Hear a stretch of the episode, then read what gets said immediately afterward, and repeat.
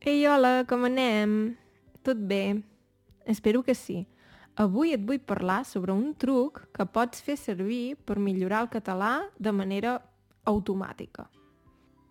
Abans de començar, vull donar les gràcies a tots els que em doneu suport a Patreon i a Ko-Fi. Els que sou a Patreon, ja a dia d'avui teniu accés a 30 transcripcions del podcast i en seguiré penjant més.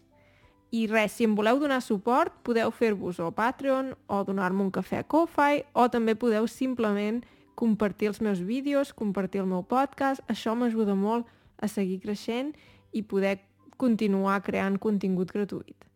Molt bé. Um, el truc que us vull dir avui és molt senzill, però a mi m'ha anat molt bé per aprendre alemany i per aprendre altres idiomes. I bàsicament és fer la llista de la compra en l'idioma que estic aprenent per exemple en català. D'acord? Res, si ja estàs a punt, comencem.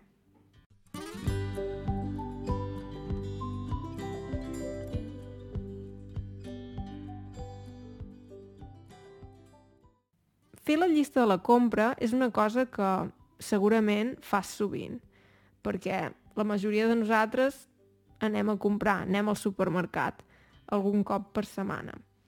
I la veritat és que m'ha ajudat molt a fer la llista de la compra en l'idioma que estic aprenent per recordar certes paraules que no sé per què, si no, no les recordava. I pot anar molt bé, la veritat. O sigui, et pots fer, per exemple, una llista i hi escrius, per exemple, fruita. Llavors, que vols saber com es diuen les diferents fruites que vols comprar? Si no ho saps, pots fer servir un diccionari i si ja ho saps, ho escrius.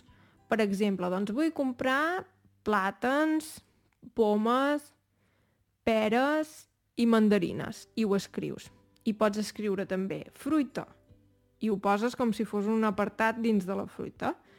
I així te'n recordes. Um, llavors pots escriure verdura. I, per exemple, no ho sé, um, bròquil, um, pastanaga, què més podem comprar? Ceba, all, sí? Per exemple, uh, no sé, carn, peix, um, dolços, pa, formatge, moltes coses.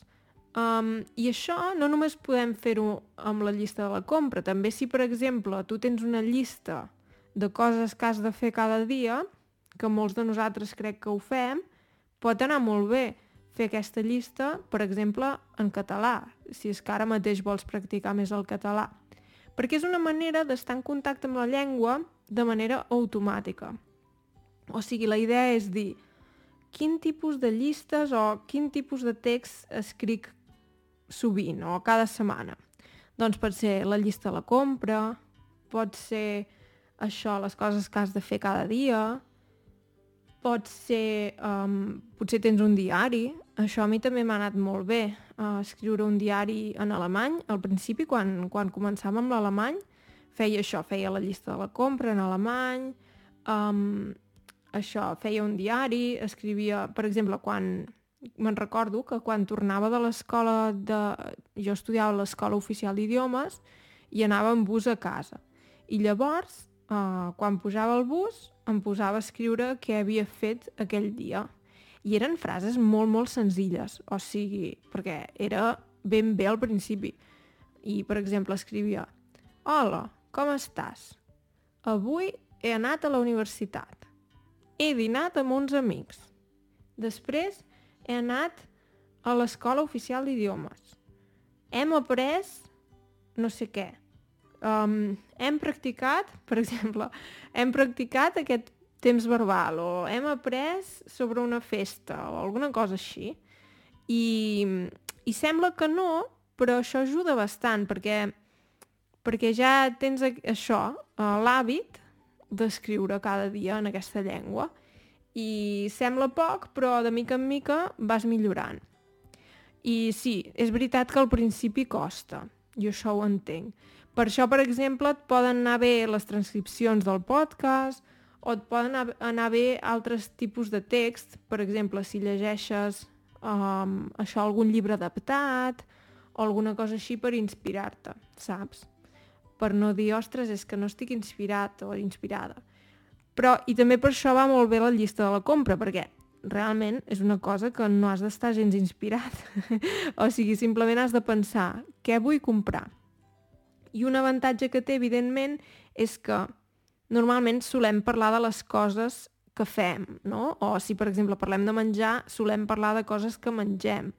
Llavors, t'anirà bé aprendre precisament vocabulari de coses que són importants a la teva vida. Per exemple, si t'agrada molt menjar iogurt, és més probable que en parlis que no pas d'una altra cosa que no menges mai.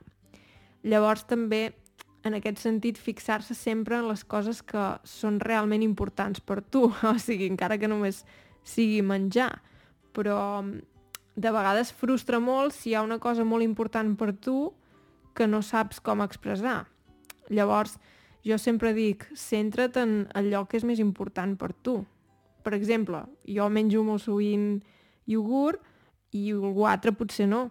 I jo si prenc una nova llengua, per mi serà molt més important aquesta paraula que una altra, no? Per exemple, encara que pugui semblar una ximpleria o una cosa que no és important, però per això va molt bé sempre aquest tipus de text. Llista de la compra, diari de què has fet avui, perquè realment són el tipus de coses que voldràs explicar.